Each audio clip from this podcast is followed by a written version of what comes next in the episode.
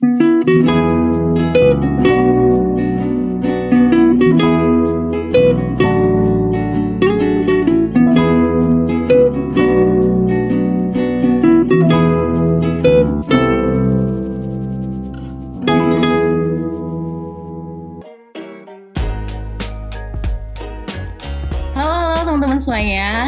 lagi dengan podcast Some Story, sebuah cerita yang menginspirasi. Bertemu lagi dengan aku, Agatha, dan juga ada teman aku, Ray. Dan kali ini kita akan mengulik sesuatu hal yang menarik dan juga pastinya sama guest star kita yang seru abis. Ketemu lagi nih sama gue, sama Ray, sama Kak Agatha di podcast Some Story. Nah, karena tadi Kak Agatha udah bilang nih, hari ini kita bakal ngomong-ngomong seru. Tapi sebelum kita ngobrol-ngobrol episode kali ini nih, kalau misalnya teman-teman ingin berpodcast juga kayak kita, teman-teman bisa pakai app yang namanya Anchor, app yang gue gunain untuk membuat dan publish show ini. Untuk ngasih tahu kamu kalau ternyata ngebuat podcast itu gampang banget dan 100% gratis. Selain gampang banget digunain, semua yang kita perluin untuk membuat podcast juga ada dalam Anchor. Termasuk untuk distribusi ke Spotify dan platform podcast lainnya. Editing, recording, nambahin bumper dan closing. Yuk download aplikasi Anchor sekarang dan bikin podcast kamu segera. For your information nih guys, Ray juga nih, di episode kali ini kita akan ngebahas gak jauh-jauh nih dari kata karir. Kita akan ngobrol santai serta membahas personal branding gitu ya. Biasanya sih orang-orang kayak nggak asing lagi dengan kata personal branding dan mereka menyebutnya sebagai jati diri atau keunikan diri masing-masing gitu ya. Tapi sebenarnya kalian tahu nggak sih seberapa penting personal branding ini terhadap diri kita? Makanya kalian wajib banget dengerin episode kali ini sampai selesai. Dan seperti biasa juga ada gestar kita yaitu Kayuda Hasta yang akan menemani kita sampai ngobrol selesai. Halo Kayuda, bukannya apa istilah? Halo Kak Tasya, Kak Agatha, terima kasih banyak karena saya sudah di-invite di Some Story dan menyapa teman-teman semua semuanya yang sudah mendengarkan Sam Story. Luar biasa, saya adalah cowok.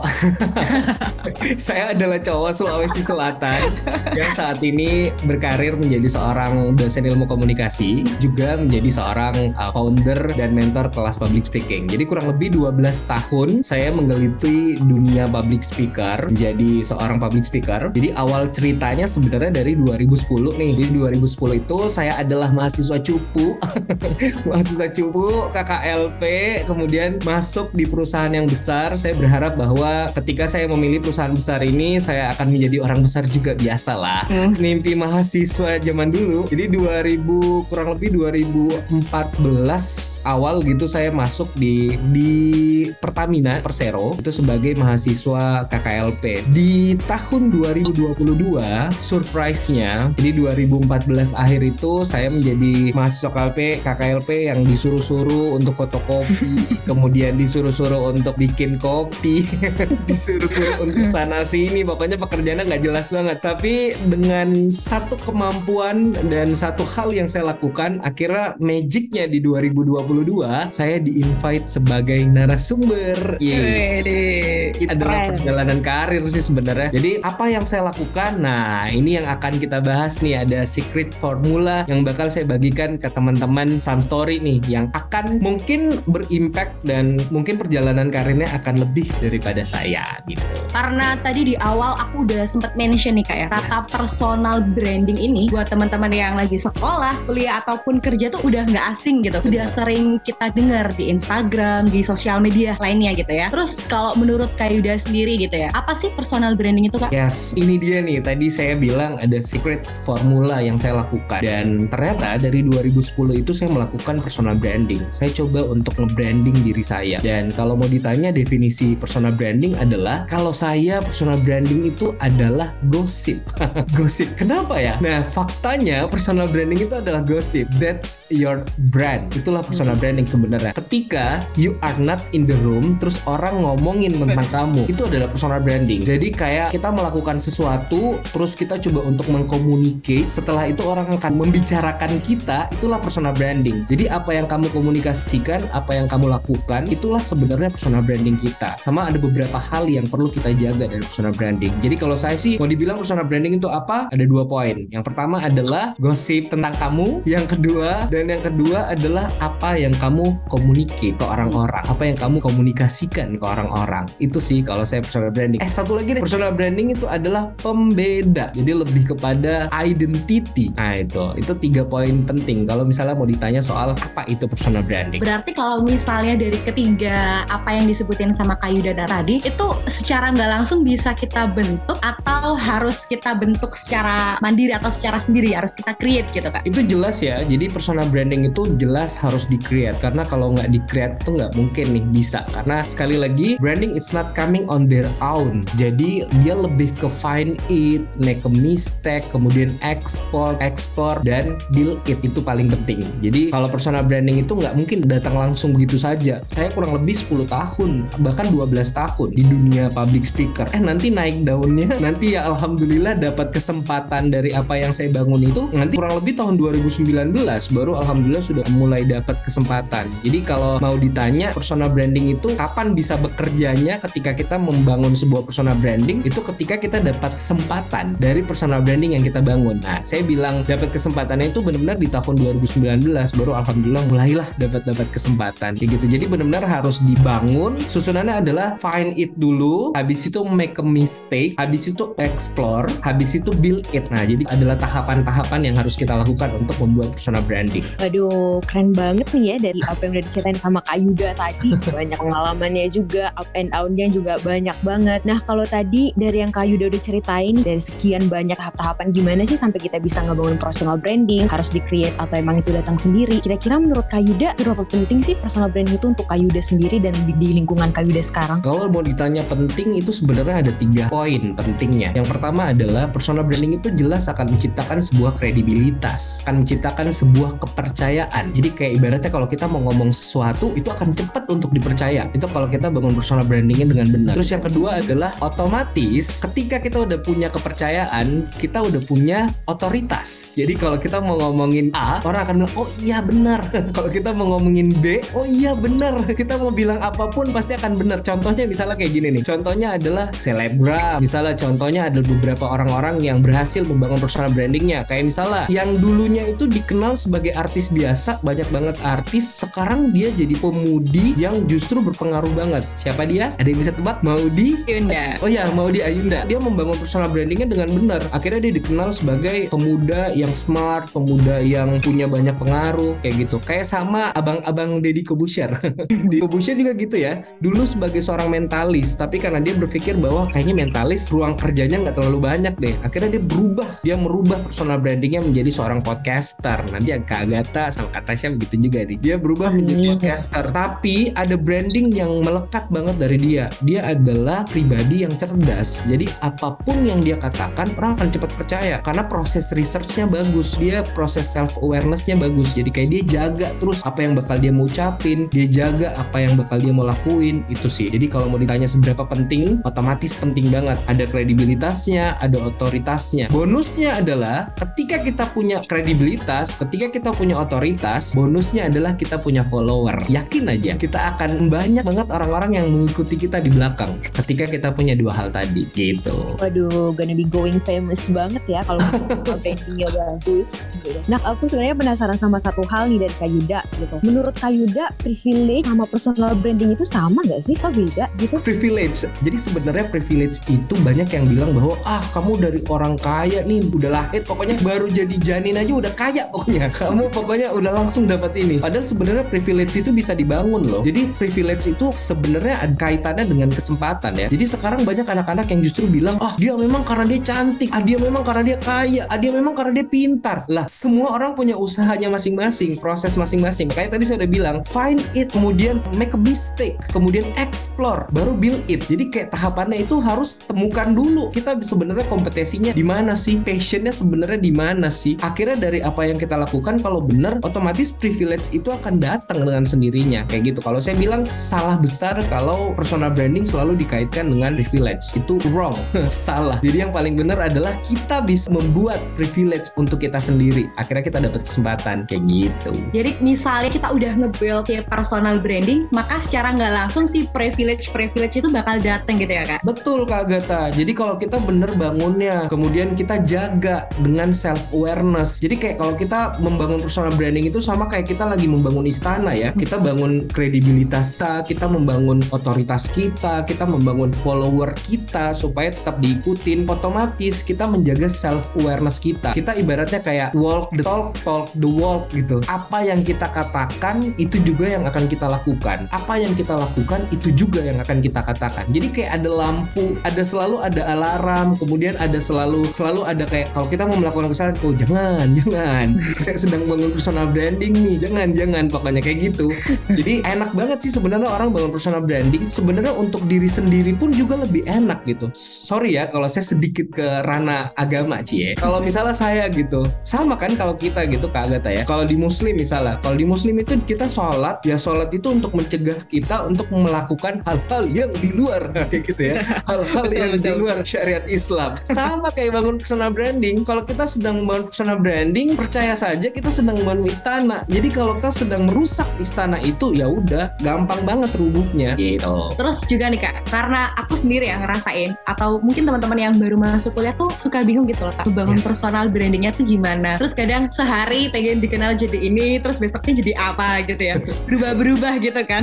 Kalau kak Yuda sendiri ya, apa Hmm. sih titik balik kak Yuda buat kayak merasa kayak ah ternyata aku butuh nih punya keunikan atau punya value itu di saat apa sih kak titik Yes, balik? di saat saya merasa bahwa saya sama dengan yang lain, itu mindset yang selalu ada dari dulu. Sementara kalau kita mau berkembang, ya harusnya kita punya mindset saya dan dia itu beda gitu ya. Nah, salah satu cara untuk akhirnya saya temukan, salah satu cara untuk bisa membuat saya different dengan yang lain, ya dengan bangun personal branding. Mulai dari tahapan, saya bangun personal quality saya. Kemudian apa? Saya coba tanya ke diri saya, apa strength saya sih sebenarnya? Apa kekuatan saya? Saya nggak pernah tanya apa kelemahan saya, tapi yang saya selalu tanya adalah apa strength saya. Kemudian saya bangun dengan sebuah experience. Kemudian saya tanya nih, value or motto in life saya sebenarnya apa sih? Kayak gitu. Jadi dari empat poin ini akhirnya saya temukan, oh jalan saya sebenarnya ke sini nih. Saya akhirnya tidak copycat lagi. Saya lebih ke, oh ini saya nih, ini Yuda nih. Akhirnya muncul sebuah identity, identitas. Dengan mudah saya membuat sebuah identitas di platform sosial media saya. Misalnya saya bikin strategi-strategi kira-kira, oh begini nih caranya ternyata supaya saya dikenal sama orang. Misalnya, misalnya ini ya, ini relate banget, semoga relate banget dengan teman-teman yang sedang bangun personal branding. Banyak orang yang akhirnya dia terlalu sibuk mikirin feed Instagramnya. Banyak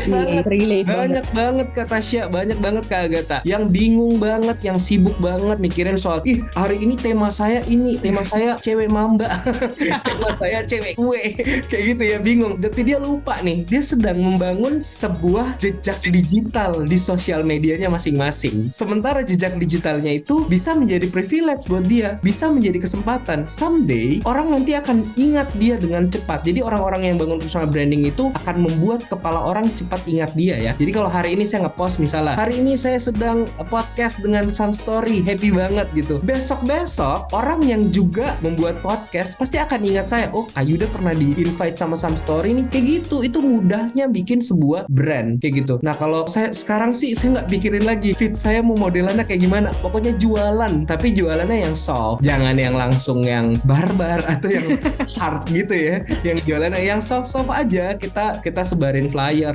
misalnya, kita tulis di bio kita, kita sebagai siapa, kita apa kayak gitu. Itu kan soft-soft selling yang bisa kita lakukan tuh. Jadi gitu. Sama ada satu lagi nih rahasianya. Jadi kalau kita mau membangun personal branding, selalu libatkan love story karena sebenarnya rakyat Indonesia itu adalah our DNA love story. Kita suka banget bercerita gitu. Jadi mungkin ini adalah salah satu trik yang bisa kita lakukan di sosial media kita. Banyak cerita aja deh di sosial media. Jangan foto kaki, jangan foto sepatu, foto tangan atau karena mau estetik gitu ya. Fitnya akhirnya estetik aja gitu yang hitam aja gitu ya. Itu kan susah tuh. Pas di mau, mau di invite dilihat profilnya di Instagram, lah ini orang siapa sih sebenarnya? Akhirnya orang nggak yakin untuk invite dia misalnya atau untuk menggunakan jasanya, apalagi yang yang bergerak di dunia atau di bidang jasa gitu. Mantep banget ya tips and triknya banyak juga nih. Kalau misalnya dengar bisa nih di copy paste ya dari Kak Yuda.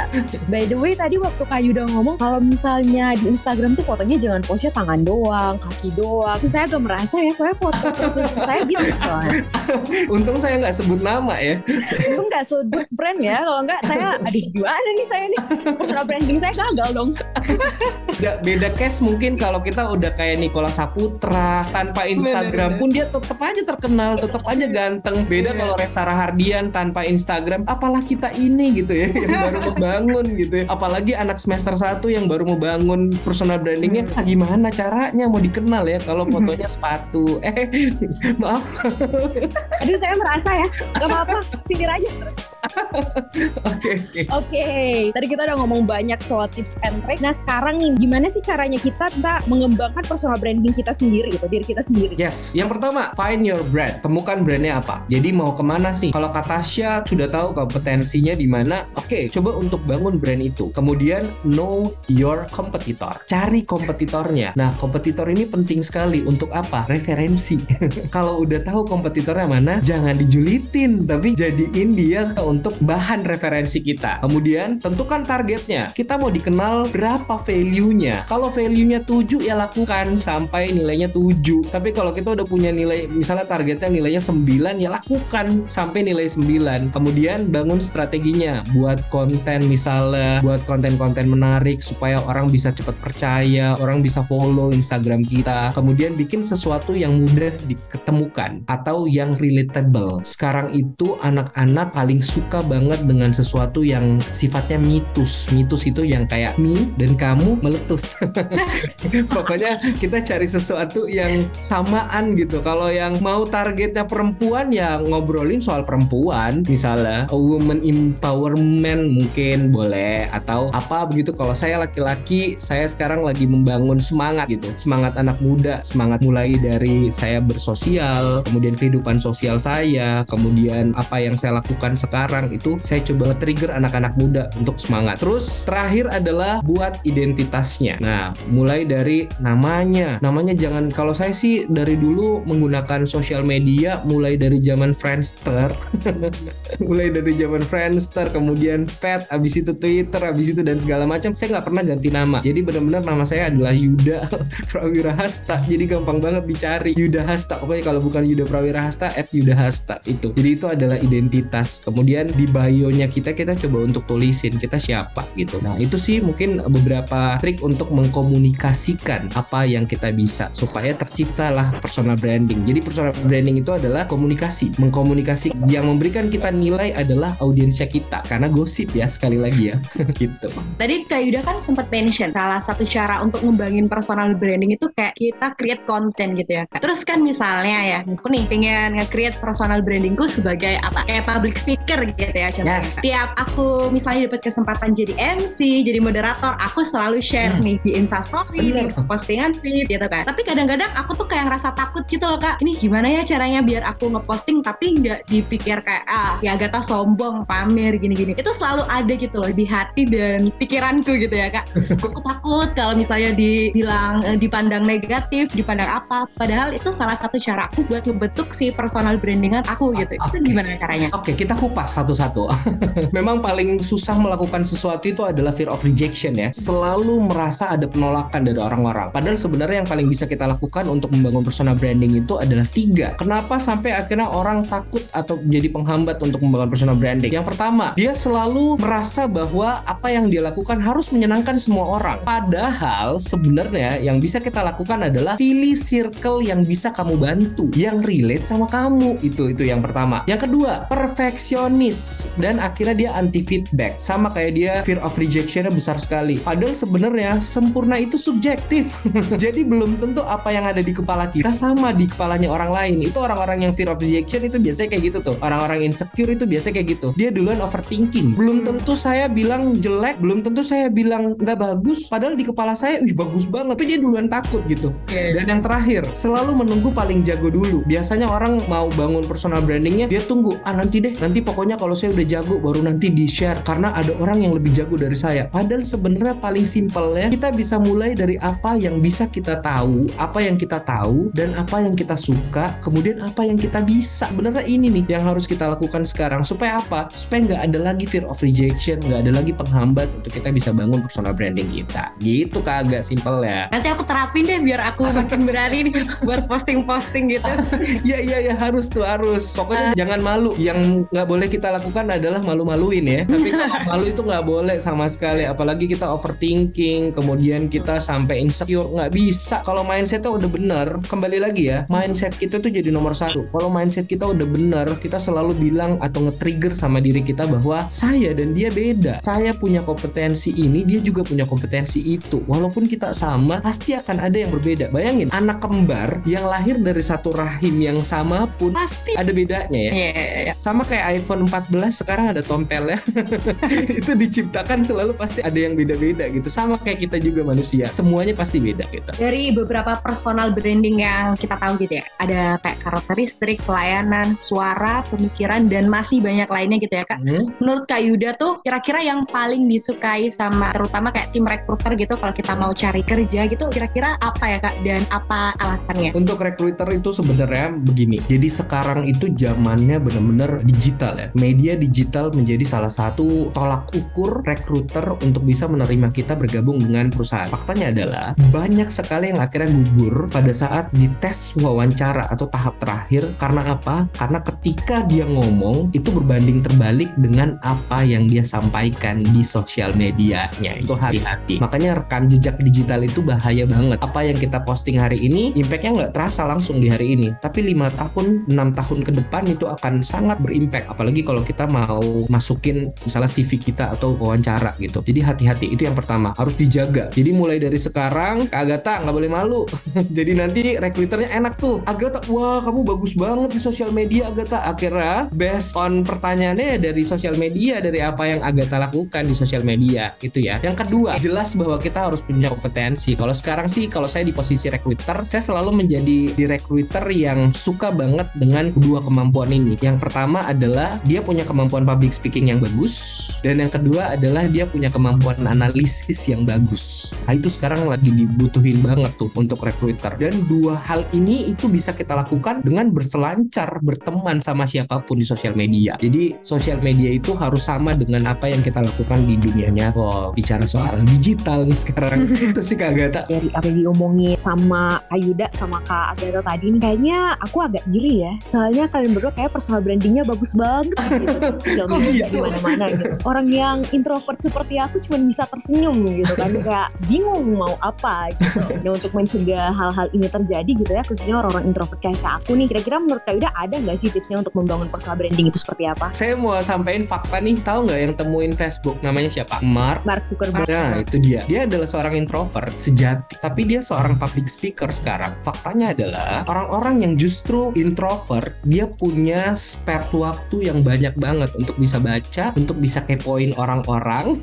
Dia punya waktu untuk banyak bisa mengulik sesuatu. Jadi kalau kata Syah introvert Justru saya suka. Tuh Bagus. Karena orang-orang yang introvert tuh biasanya Orang-orang yang researchnya bagus. Jadi kayak kalau kita ini Jadi saya dulu itu sebenarnya orangnya introvert, cuman akhirnya membuka diri menjadi seorang ekstrovert dan kecemplung di dunia ini gitu ya. Jadi akhirnya menjadi seorang ekstrovert. Tapi sebenarnya basicnya itu dari seorang yang introvert yang punya kemampuan research yang baik, kemudian analisisnya harus baik dan itu bisa dilakukan sama orang-orang yang introvert. Karena orang-orang yang ekstrovert itu biasanya suka keramaian, suka datang ke konser, suka Bener. nongkrong. Ya bener ya Kak Agatha ya. Bener-bener banget. Pokoknya Kak Agatha kalau senyum itu udah ketahuan bahwa oke Kak Agatha adalah extrovert kayak gitu ya. Itu kelebihan-kelebihan dari orang-orang introvert. Jadi jangan salah kaprah kata Tasya bahwa orang introvert yang akhirnya nggak bisa ngeblow up dirinya, nggak bisa show off salah tuh. Sebenarnya orang-orang introvert yang justru ketika dia blow up dirinya, ketika dia maaf karena tempatnya sosial media itu untuk show off, ketika dia show off akhirnya punya value yang besar banget karena researchnya bagus, bacanya bagus, kemudian nguliknya bagus gitu kata Tasya. Waduh, saya agak tersanjung ya dipuji kayak Iya. tadi. Biasanya gitu dinaikin dulu baru dijatuhin. Aduh, parah ya hal-hal seperti ini harus dicegah agak tidak terjadi gitu. Nah, aku sebenarnya penasaran satu hal juga nih dari Kak Yuda. yes. Menurut Kak Yuda nih dari personal branding yang kita bangun kemudian tujuannya untuk di show komedian, ada nggak sih kemungkinan toxic positif itu bakal terjadi? Itu pasti. Jadi sebenarnya apa yang kita lakukan. Nah, ini ada dua poin penting nih harus kita ingat bahwa personal branding dan pencitraan itu beda. itu tuh, itu selalu dikaitkan ya. Ah, pencitraan. Kamu pencitraan lagi nih. Kamu pencitraan babas segala macem, belum segala macem. Padahal sebenarnya dua hal yang berbeda banget. Kalau personal branding adalah kalau personal branding itu kita coba untuk core value dan kompetensi kita yang coba untuk dikomunikasikan. Tapi kalau pencitraan itu mengadopsi value orang lain. Jadi kita coba untuk berpura-pura untuk jadi orang lain, pura-pura baik lah, pura-pura sopan lah, pura-pura ini dan segala macam itu pencitraan. Nah, kalau mindsetnya udah bener, saya pokoknya lagi bangun personal branding, saya harus jaga dengan self awareness yang baik. Saya harus coba untuk melakukan dua program. Programnya adalah yang pertama saya coba untuk insight programming dulu. Tanyakan sama diri kita tujuannya sebenarnya mau ke mana dan kenapa kita harus bangun personal brandingnya. Baru kita outside programming. Coba tanyakan ke orang lain. Bener nggak ini pilihan yang saya pilih? Bener nggak ini jalan yang saya pilih? Kayak gitu kak. Jadi kalau mindset udah bener sekali lagi kembali ke mindset. Kalau mindsetnya bener, mau head comment, mau head speech, mau netizen netizen yang jahat jahat banget, itu bisa kita tepis dengan mindset yang sehat gitu kak. Kalau misalnya kan tadi di awal kita udah punya personal branding, kita Yes. juga bisa dapat privilege gitu ya. Berarti kalau kita udah punya personal branding, udah punya privilege, itu bisa jadi salah satu jalan buat kita dapat uang nggak sih kak? Bisa banget dong. Jadi itu pasti akan berhubungan. Jadi value itu pasti akan berhubungan dengan cuan. Seberapa besar cuan kita itu akan ditentukan dari berapa banyak value kita, berapa besar value kita. Nah ini ada tips lagi nih saya mau kasih nih. Hmm. Jadi kalau mau naikin value lagi, ada hal yang harus kita coba untuk pikirkan. Pasti sekarang ini sudah mendengar semua ya. Saya tahu bahwa uh, followersnya Sun Story sekarang udah sampai satu juta followers. Amin. Amin. Ya, Amin. Amin.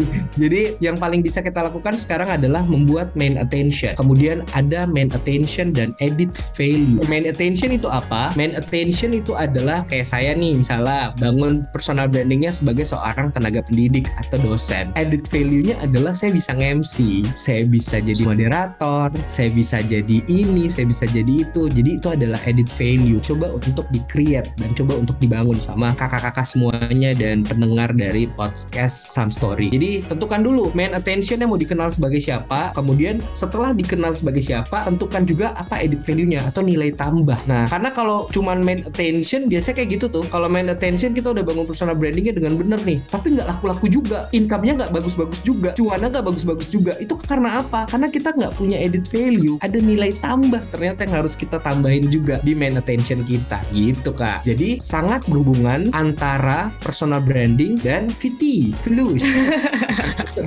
gitu. kita tuh ada kemungkinan gak sih kak punya personal branding itu lebih dari satu gitu. Misalnya aku selain dikenal sebagai public speaker, aku pengen dikenal sebagai orang yang pintar desain gitu. Itu bisa gak sih kak kira-kira? Nah itu dia tuh itu tadi yang saya maksud jangan sampai ketuker main attention dan edit value-nya. Kita harus tentukan dulu main attention-nya apa sebenarnya. Siapa sih sebenarnya? Makanya saya selalu menggiring orang untuk Alhamdulillah tadi Kak Agatha langsung bilang kan di awal wah ini dosen komunikasi nih. Nah itu artinya Alhamdulillah personal branding saya berhasil membangun citra sebagai dosen. Nah nanti edit value-ku adalah ketika saya ngomong kayak gini nih. Akhirnya Kak Agatha mungkin akan berpikir di Kak Yuda kayaknya bisa MC juga nih. Nah itu namanya edit Iya, value. Jadi nilai tambah. Jadi kayak ibaratnya kayak gini nih. Dosen kan banyak banget tuh di kampus dosen banyak banget kak. Tapi dosen yang bisa nge-MC itu cuman saya. Aja. Iya. Dosen. Waduh. Nah itu dia Ada. itu masuk tuh. Kayak gitu tuh Kak Gata. Oh, Kak. Tasya. bisa banget ya berarti kayak ini tuh yang utama sama ada yang kayak keahlian aja gitu ya Kak, Betul. ya? Jadi edit value-nya, jadi nilai tambah aja dia. Tapi jangan sampai nilai tambah ini justru mengalahkan main attention. Nanti bingung lagi. Saya sebenarnya siapa ya? Saya siapa? Kamu siapa gitu. Jangan sampai kayak gitu ya. Akhirnya bingung orang. Eh kenal si Agatha nggak? Agatha yang mana? Itu udah dia Tompi. Kalau orang Makassar sih bilang udah dia Tompi penyanyi, udah dia Tompi podcaster, udah dia tompi ini dia tompi itu jadi kayak semua dia mau makan gitu semua dia mau ambil padahal sebenarnya itu adalah hal yang kurang benar kurang tepat gitu. Yang harus kita lakukan adalah main attention harus jelas dulu siapa kita baru nanti ada edit value-nya mengikuti gitu. Daging banget nih kalau kata-kata anak startup ya hmm. obrolan kita sama Kak Yuda. Benar ya Re? Daging yes, ya, benar ya benar. Asik kayak kayak lagi webinar ya. Saya kayak lagi perhatiin dosen saya ngajar banyak banget bisa kita dapat bisa kita terapin gitu. Untuk gimana sih caranya kita ngebangun personal branding kita yang kuat? Entah untuk misalnya kalau buat teman-teman yang mau masuk kuliah buat daftar organisasi ikut magang ikut volunteer itu bisa. Terus kalau buat teman-teman yang mau lulus ya buat cari kerja gitu. Tadi caranya ada kalian harus tahu dulu nih dirinya seperti apa terus digali lagi. Terus ada jangan lupa untuk share-share konten yang menunjukkan bahwa ini loh diriku ini loh ini apa yang aku punya gitu. Biar teman-teman yang lainnya tuh juga pada tahu juga pada enggak oh kalau Kak Yuda tuh dos ilmu komunikasi tapi juga bisa jadi MC kayak gitu. Terus jangan sampai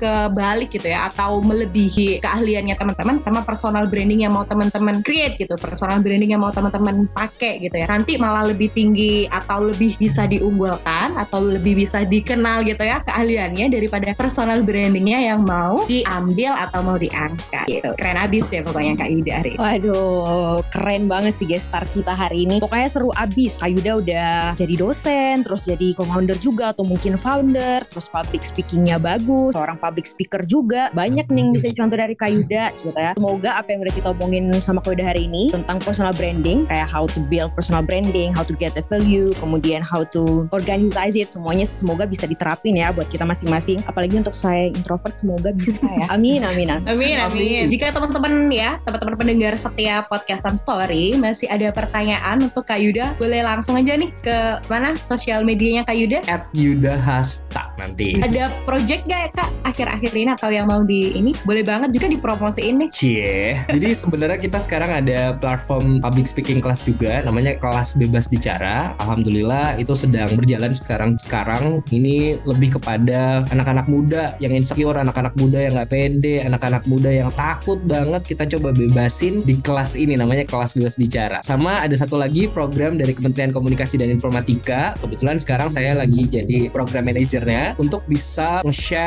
konten-konten yang menarik, kemudian hal-hal yang harus kita lakukan untuk lebih cakap lagi berdigital. Terakhir dari saya mungkin teman-teman sekarang waktunya bukan lagi overthinking, sekarang bukan lagi waktunya untuk insecure. Sekarang waktunya untuk kita build, bangun personal branding kita. Supaya apa? Supaya kita bisa dapat kesempatan sesuai dengan apa yang kita bangun dan cara bangunnya itu paling simple adalah live the brand walk the talk talk the walk itu dia semoga semuanya semakin sukses dapat pekerjaan sesuai dengan kompetensinya masing-masing. Tadi teman-teman udah denger kan sosial medianya Kayuda apa jadi kalau ada yang mau ditanyain bisa jangan langsung ke Instagramnya Kayuda ingat ya pertanyaannya yang masuk akal jangan coba-coba tanya nomor telepon ya. Bisa ya. Kita nggak tahu ada yang marah atau kayak gimana kan jadi untuk memberi lebih baik jangan ya.